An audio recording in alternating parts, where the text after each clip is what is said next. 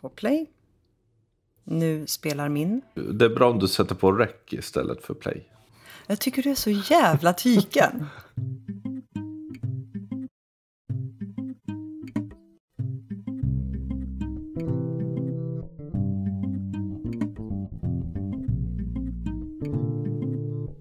Hej allihopa! Det var ett tag sedan vi hördes av. Det här är podcasten Social by Default och precis som alltid är det jag, Sara Larsson Bernhardt, som tillsammans med Deeped Niklas Strand driver den här podden.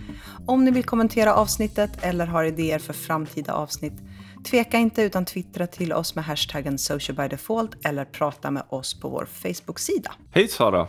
Hej Niklas! Hur är det? Det är bra. Hur är det med dig?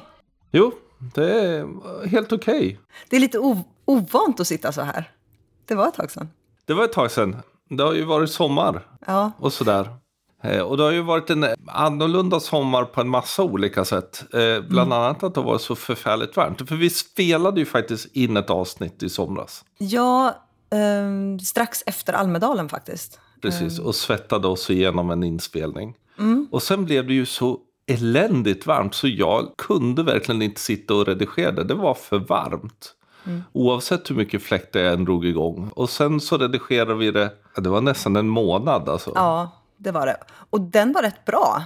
Men vi kände att den var lite utdaterad då, för vi pratade ju ganska mycket Almedalen. Så vi får väl se, så vi stekte det avsnittet. Eh, mm. Några delar av den kanske man skulle kunna släppa som någon sorts bonusdel. Men vi får se vad vi gör med det helt enkelt. Annars då?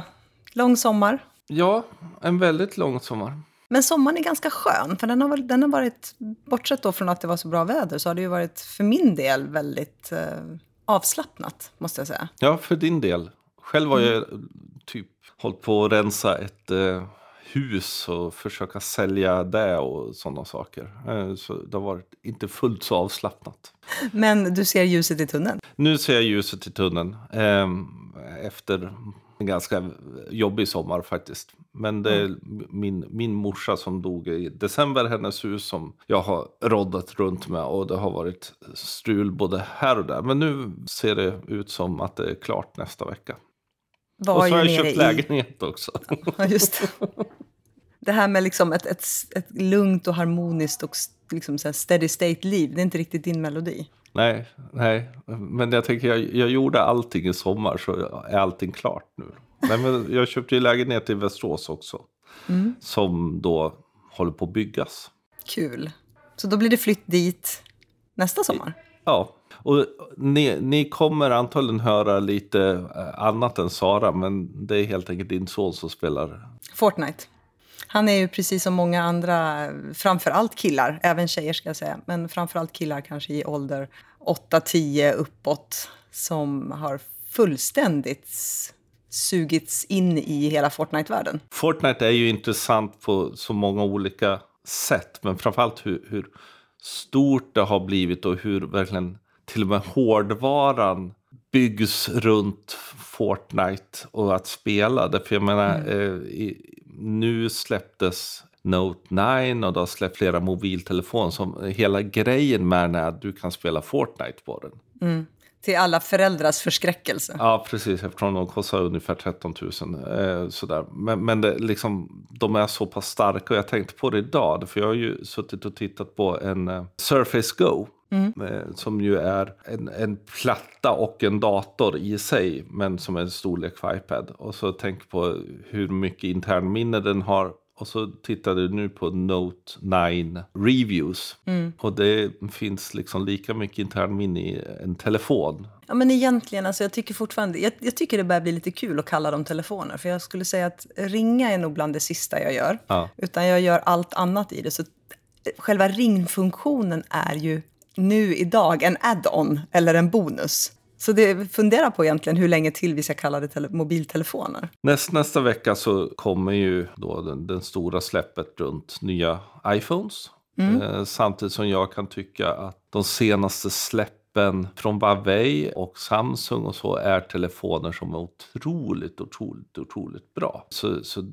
där får vi se om de kommer med någonting som vi inte riktigt vet ännu. Annars har det ju varit jättestora läckor från på nya iPhone. Vi vet hur de kommer se ut, hur stora de är, vad som kommer finnas i dem. Är det här planerade läckor? Svårt att tro det, därför det är för mycket. Okej. Okay. Nej, men de har ju haft en liten uppförsbacke sen egentligen Steve Jobs eh, gick bort. Det, det, går ju inte att komma ifrån att han var ju liksom passionen och drivkraften och rösten och allting. Och det känns lite grann som att de här läckagen, jag menar sociala medier har ju också utvecklats utifrån efter de här åren. Men det känns också som de här läckagen. Jag funderar ibland på om de inte är planterade någonstans ändå. Men alltså, Apple har ju alltid arbetat med kontrollerade läckor. Det är ju deras sätt att göra PR. Men det här är för stora. Alltså grejen är att de kommer gå upp på, om de inte har någonting som de verkligen lyckas liksom hålla contained, mm. som de kommer släppa.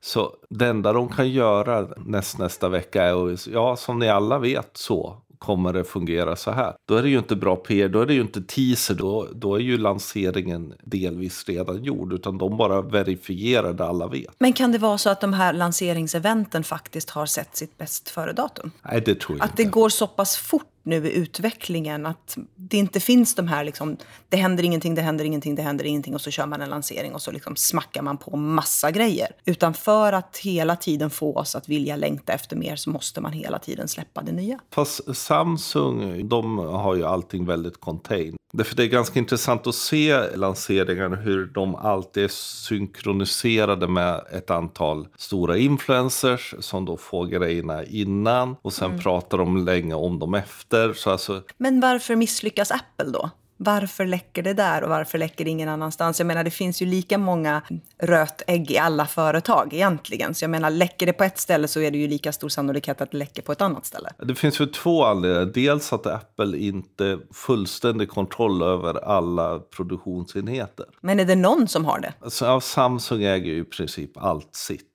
Jag menar, Apple köper ju grejer från Samsung. Dels det, sen helt enkelt massa misstag och sen när det finns alltid ett större intresse för iPhone än för någon annan. Och då finns ju en del som får bra betalt för att läcka. Sommaren annars då? Nej men lugn och skön. Du har läst på din Kindle? Jag har läst på min Kindle. Jag älskar min Kindle. Vi kommer ju prata lite mer om valet och så. Valet är ju nästa vecka. Det som hände för mig om man tittar på sociala medier är att det har varit så otroligt mycket mörker i väldigt många av mina, mina kanaler. Så att, och jag älskar ju att läsa deckare. Eh, och jag ska inte säga att ju blodigare desto bättre, men, men jag tycker om det där. Bara det att jag insåg i sommar när jag började läsa på min Kindle och då hade en deckare som jag hade börjat med att det blev liksom för tungt.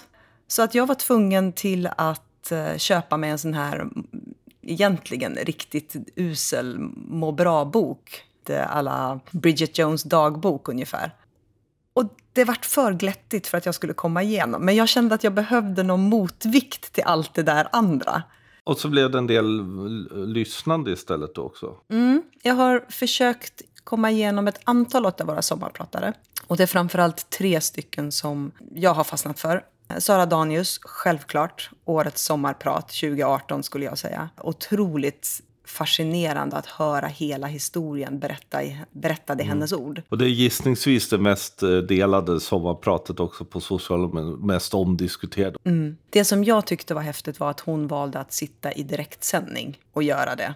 Och det märks när hon pratar hur hon liksom väger varje stavelse egentligen innan hon pratar. Så självklart har hon ju ett manus och sådär. Men det märktes rösten. Eh, hon snubblar över några ord emellanåt. Mm. Men otroligt, otroligt det, bra. Det är ju inga omtagningar som är annat. Sen, sen är det kul. Tom Tjong mm. från Digitala Draken pratade väl värt att lyssna om. Där han berättade egentligen fr från Sverige till Kina till Sverige ja. till Kina. Och om Kina. Så väl värt att lyssna på det. Och sen kommer ju Draken nu med säsong två. Och sen, för Tom var också en av dem som jag lyssnade på. Och sen så Max Tegmark som eh, forskar inom artificiell intelligens. Han bor i Boston, han är född och uppvuxen i Stockholm. Som pratar om AI och den utvecklingen som vi ser och vad vi kan, vad vi, och nu säger jag inte, vad man behöver göra för att få utvecklingen att gå åt rätt håll. Så att alla faktiskt gynnas av den. Mm. Och inte bara vissa, vissa grupper.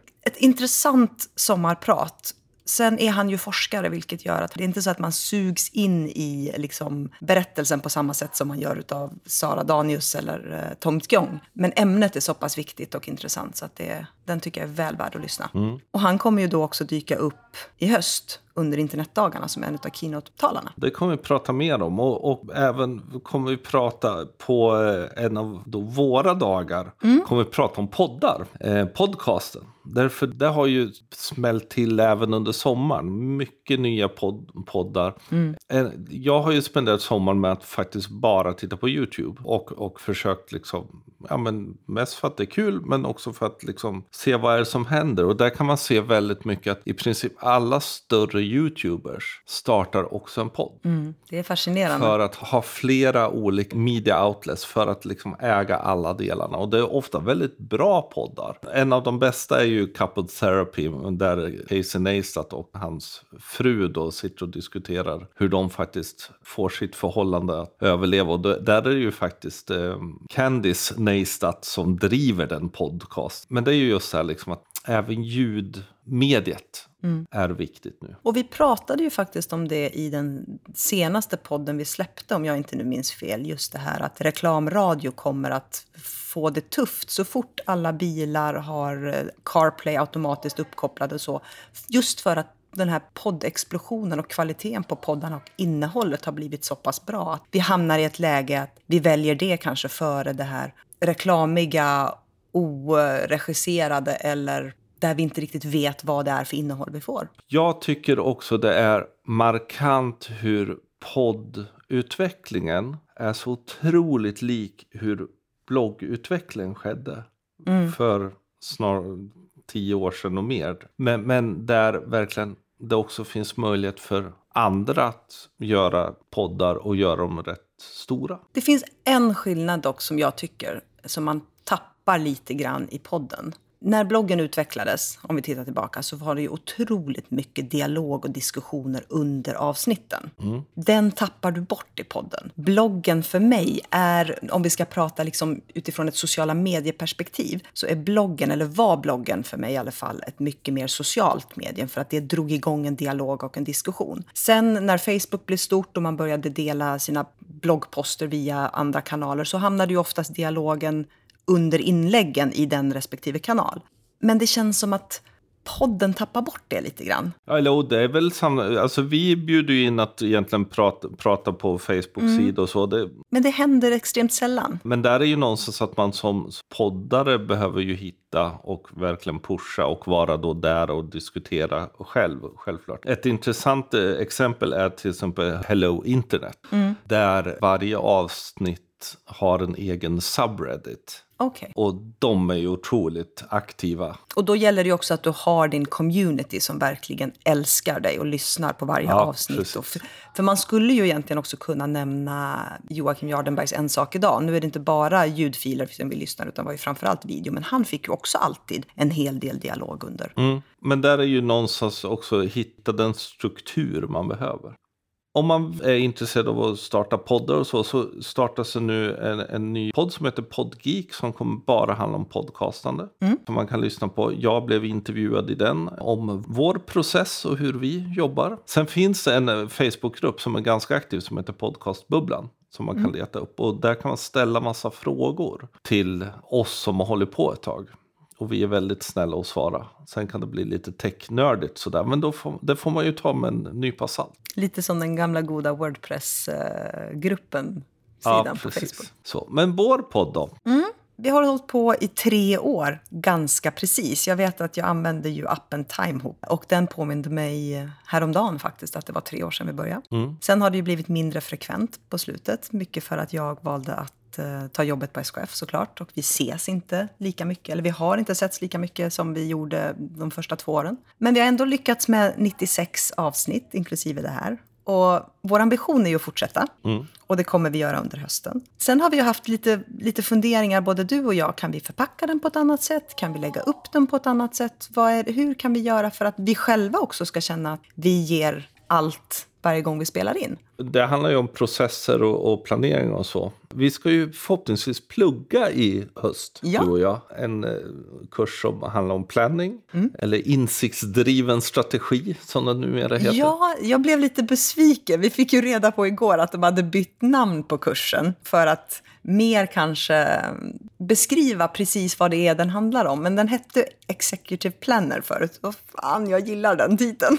Vi fortsätter kalla den det. Men, men då kommer vi ju plugga ganska mycket. Och vi har en, vi har en del annat att göra också. Mm. Men där funderar vi kanske, kan bli så att det blir en kortare podd om egentligen det vi har läst och tänker där. Mm. Så vi, det är en idé vi har. För kursen handlar ju om insikter och beteenden och målgrupper och sånt som vi behöver hitta processer och metoder för att bli bättre på att identifiera och utvärdera in, inför saker som vi gör online. Mm. Och för oss blir ju det liksom att också titta på utifrån det vi jobbar och framförallt Mm. för dig som, som Head of Social. Sen vill vi göra lite intervjuer och så. Mm. Sen får vi se hur vi hinner det. Men det är roligt. Jag tycker det är väldigt roligt. Och framförallt du är en så duktig intervjuare. Så jag lutar mig ju gärna tillbaka då och lyssnar av och kommer med lite några inlägg ungefär då och då. Och det, jag tycker väldigt mycket om våra intervjuer. Tack. Eh, Du är, du är väldigt snäll mot mig när du säger det och jag blir alldeles sådär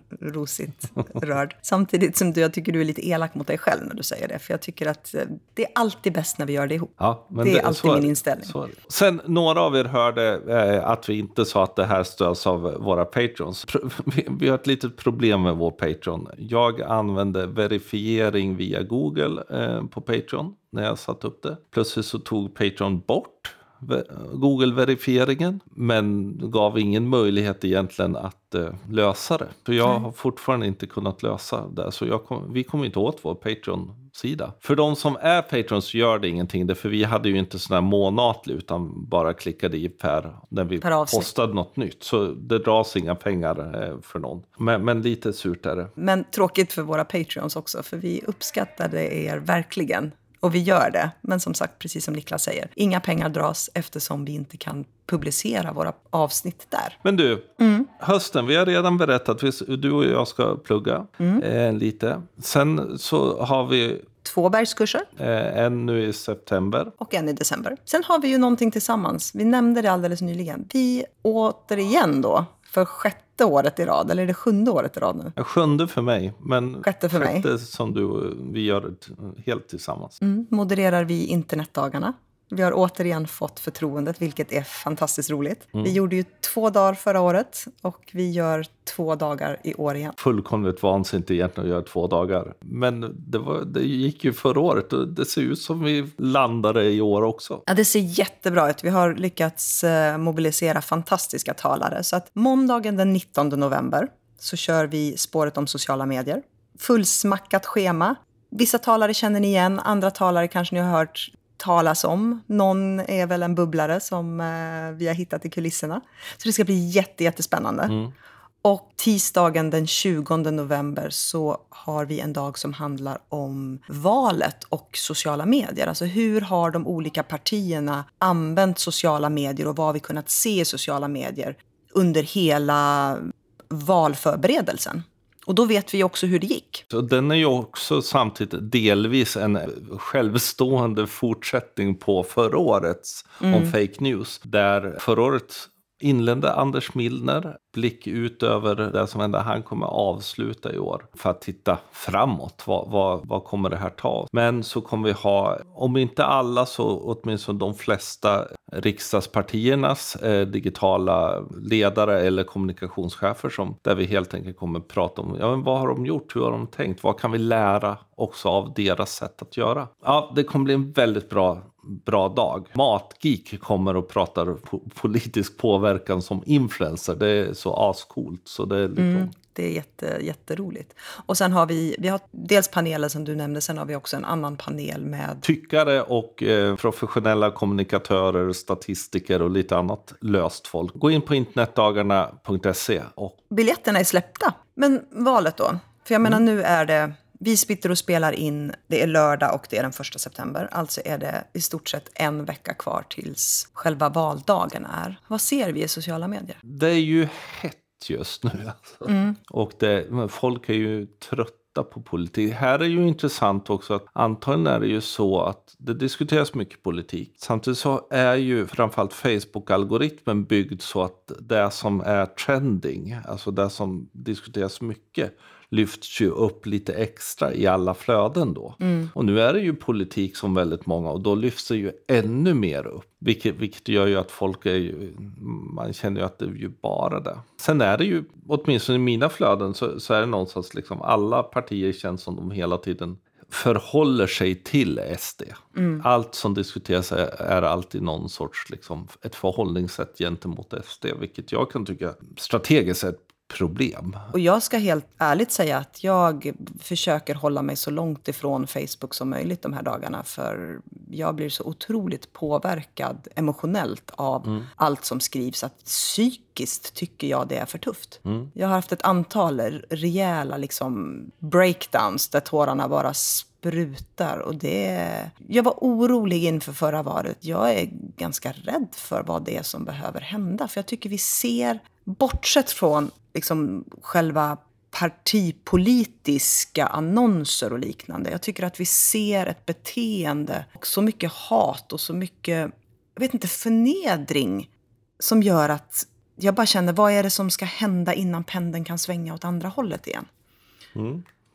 Tittar man på vad som händer så dels har ju framförallt SVT en stor väljarbarometer som de verkligen satsar jättemycket. De mm. satsar ju jättemycket på datajournalistik nu, vilket är bra. Och sen har de också den här... Så sprids valfrågor på, på Facebook. Som är, de gör tillsammans med Intlekta. Där, där man då kan se vilka frågor och hur de sprids och inom vilka partidelar och sådana saker. Och båda de är ganska intressanta att titta på. Mm. Valbarometern, är ju, eller väljarbarometern som den heter, är det ju rätt många utav, åtminstone de i mina flöden, som har gått igenom. Och är man stat statistiker eller tycker man om statistik och älskar grafer och hur saker och ting kan liksom förändras så, så är ju just den här andra eh, Så sprids valfrågor på mm. Facebook mm. ganska intressant att grotta sig ner i. Mm. Och just att se hur också partierna väljer att jobba. Det, det, som har hänt och det som kanske är första gången i svensk politik är ju att vi ser en mycket högre grad av annonsering. Mm.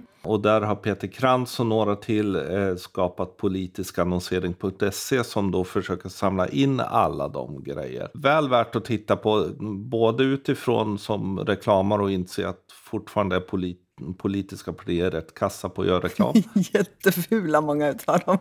men, men också någonstans att se vad, vad är som har hänt i det. Det som har hänt senaste tiden är ju också att sossarna i Stockholm tror jag det är, alternativt så är det hela sossarna, som använder då dark posts och dark ads och där de har kört en väldigt stark negativ campaigning mot Centern. Och det här blev ju ett väldigt liv om och alla tyckte det var otroligt fel. Och negativ campaigning och framförallt i princip så handlar det om rena lögner. Det är ju första gången vi ser det så hårt. Det är ju Trump-stil mm. på de grejerna som dök upp där. Framförallt att ett så etablerat parti gör det tycker mm. jag är problematiskt. Och jag tycker även att man ser vissa andra mer etablerade partier. Just det här, istället för att berätta vad man är bra på, istället för att berätta vad man själv vill, vill förbättra eller förändra, så smutskastar man. Och vi mm. har ju sett det i ett antal partiledardebatter genom åren. Men att det har blivit så otroligt tydligt nu även i annonseringen och framförallt annonseringen i sociala medier. Det tycker jag är, är fel väg att gå. Och det dök även upp att Moderaterna har använt motsvarande. Det som är problemet i det här blir ju att folk blir så ja ah, det här är ju fel sätt och varför Facebook borde stoppa sånt här. Men dark posts och eh, dark ads använder ju vi ju ganska ofta, både du och jag. Det är ju en funktion som finns och är ju inget shade i sig. Utan för de som inte vet vad det är, det innebär att du publicerar en, en postning eller en, en annons som du inte lägger upp i ditt vanliga flöde till dina följare, utan du kan faktiskt bara targeta vissa målgrupper så det dyker upp hos dem. Mm. Det är någonting som vi emellanåt använder där vi vet att vi har en viss målgrupp som följer oss till exempel på vår Facebook-sida, men så vill vi nå en lite nischad målgrupp som också är intresserade av våra produkter eller våra mm. lösningar, men som inte är intressanta för den stora massan. Och för att då ge en mer personaliserad och en riktad bra innehållsbit till just den här lilla, lilla gruppen, så väljer man helt enkelt att bara targeta den mm. och inte utsätta den stora följarskaran för just den här innehållsbiten eller contentuppdateringen. Så det är egentligen ingenting som är ovanligt. Det är bara det att när, när det sker inför ett val så känns det mycket mer det blir liksom inflammerat på ett annat sätt. Och sen är det ju tyvärr så att jag menar, Facebook får ju alltid bära någon sorts liksom, scapegoating. Allt ont som händer är Facebooks fel, trots att det faktiskt är folk som gör det i bakgrunden och väljer att använda funktionen. En annan sak som är lite tråkig är ju också att man har ju upptäckt att det är en, en vansinnigt massa bottar och att ökningen av bottar har procentuellt gått upp sedan i juni. Alltså ju närmare valet vi kommer, desto mer icke-existerande personprofiler är det som delar och pratar om eh, politisk propaganda i sociala medier. Twitter är väl den kanal som är starkast, vilket någonstans kan vara lite skönt, för Twitter är inte den kanal som är så stor i Sverige, samtidigt som den har en ganska hög påverkan på just opinionsbildare och medier och, mm. och liknande. Men vi ser det även på Facebook. Ja, och där behöver man ju säga att en, en bot är ju en väldigt automatiserad funktion. Det, går ju, det är väldigt svårt att göra på Facebook. Så det, det, är väldigt mycket på Twitter. Och det är ju helt enkelt, det finns inga människor där. Någon skriver in en grej och det skjuts ut till tusentals konton mm. som postar det. Men sen har vi ju trollfabriken och där är ju människor som sitter på bättre eller sämre svenska och dyker upp i olika diskussioner. Det ser man när man är inne framförallt på politiska partier och politikers flöden så dyker det ju upp sådana här. En, en sak som jag, jag har sett senast är konton som känns inte alls inriktade på det här. Alltså vanliga, vad ska man säga, 35-åriga till 45-åriga pappor så, som i sina vanliga konton verkligen är bara sådär lite bilder på barn och så. Och så plötsligt så kommer en kommentar som är precis sådär. Out of character. Det oroar mm. mig lite. Därför jag fundera om det är hackningar eller vad det är som händer. Men, men det är mer en tanke jag har. Men, men det sker väldigt mycket påverkan på olika sätt och det behöver vi vara medvetna om. Särskilt nu den sista veckan. Att en hel, det kommer också komma mycket innehåll som är extremt mycket fake news. Där man vill nå är de som de 30 procent som inte har valt den? De som kanske inte kommer välja, välja SD, men kan man få de människorna att inte gå och rösta så är ju det också ett sätt. Men nu har vi ju pratat ganska mycket av den liksom mer mörkare sidan, eller mm. baksidan. Jag menar, sociala medier har ju faktiskt också positiva delar i hela den här valkampanjen eller valsammanhanget. För att väldigt många av de som kanske ligger längre ner på listorna har ju också fått en möjlighet att göra sin röst hörd på ett helt annat sätt genom de här sociala kanalerna. Mm. Och det är ju någonting man in, vi inte kan underskatta. För jag menar, om det var tufft för dem tidigare så har de åtminstone fått plattformar där de kan driva sina sakfrågor och det de brinner för och vad de vill få ut på ett helt annat sätt nu eh, än för ett antal år sedan. Dels ser man det väldigt mycket lokalt, eh, mm. i alla lo där, där liksom lokala politiker faktiskt få mer plats än man fick för. Förut var man så beroende av lokaltidningen, idag är det Facebook man jobbar på. Mm. Men också på riksnivå där de personer som är lite längre ner eller har liksom lite an annan vinkel än kanske fullt ut hela partiledningen kan, kan utnyttja det. Jag menar, vad man än tycker om hans sätt så jag menar Hanif Bali är ett, ett utbrett fenomen i det här som liksom mm inte på, alls på det sättet hade, hade synts till om han inte hade varit ganska duktig att använda sociala medier. Och jag tycker Johanna Jönsson också gör ett väldigt, väldigt eh, bra jobb i, i liksom att jobba med rörlighet, att jobba med olika metoder. Är det ett generationsskifte eller är det en utveckling av mainstreamifieringen av sociala medier som gör att vi ser det här? Jag tror dels är det generationsskifte och dels är det ju självklart så att jag menar varför komma in?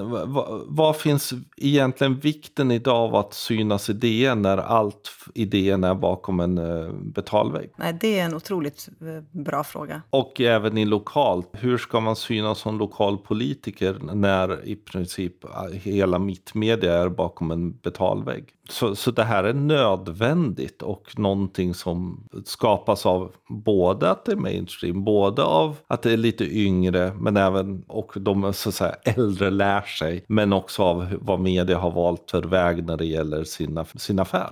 Kommer du lägga upp vad du har röstat på, på i dina sociala kanaler? Alltså vad jag röstar på är ju inte någon hemlighet för någon. Så, men det är ganska intressant, för jag menar förra valet, eller EU-valet var det va? Mm. Så la ju du upp vad du röstade på, fick ju skäll av folk. Ja, så det kommer jag inte göra i år. Ah, men det är många som gör det. För det har ju också blivit en förändring. Jag menar, om det var någonting som vi svenskar aldrig diskuterade förut så var vi vad vi tjänade och vilket parti vi röstade på. Mm. Vi är väl fortfarande hyfsat hemliga med vad vi tjänar men vad vi röstar på har vi blivit mer och mer transparenta. Mm. Och då också mycket på grund av den här utvecklingen vi ser i sociala mm. kanaler. Mm. Dels så ser man flera av våra kompisar eh, och gamla kollegor och så som börjar sådär, äh, men eh, sluta läsa på sociala medier. Och liksom svaret på det blir någon sorts att man skulle lämna sociala medier. Och det är ju en del i faktiskt en, en ganska skarp backlash. Negativ syn på vad sociala medier är generellt som vi är inne i. Jag tycker ju det är lite tråkigt sätt att hantera det här. Jag menar, det är ju någonstans är det ju i sådana fall bättre att vi faktiskt försöker återta en del av det förlorade. Mm. Och vara källkritiska. Men också någonstans liksom, Martin Luther King sa ju, det är inte de ondas handlingar som oroar mig utan de godas tystnad. Och, och det är ju lite det som vi tyvärr ser, liksom att de som man vet har väldigt bra åsikter är ganska tysta. För det var allt vad vi hade idag. Vi kommer lägga in, framförallt så kommer vi lägga in länkarna till alla de här olika valbarometrarna och och eh, det vi kan läsa och pratat om. Och det gör vi som alltid på våra show notes och de hittar ni på podcast.socialbydefault.se. Glöm inte att prenumerera på oss. Vi finns på iTunes, på Soundcloud, Acast och Stitcher och det är bara att söka på Social by Default. Om ni gillar podcasten, eh, gå jättegärna in på iTunes och ge den betyg. Recensera den gärna där. Men glöm framför allt inte att prata med oss. Kom med idéer vad ni vill höra. Ha åsikter om vad vi pratar. Gör det på Facebook-sidan. den är fortfarande öppen. Eller twittra med hashtaggen social by default. Prata med oss på Instagram om det, det är där ni vill. Men lite som vi var inne på, just att faktiskt ha en aktiv dialog. Vi vill veta vad ni tycker och eh, gillar. Och vill ni nå oss lite mer privat eller diskutera med oss så heter jag på Twitter och Instagram och i stort sett överallt Sanasi LB. Och jag heter Deeped. Hej då! Hej då!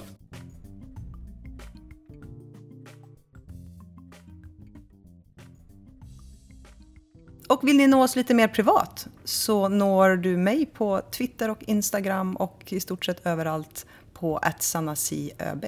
Nej.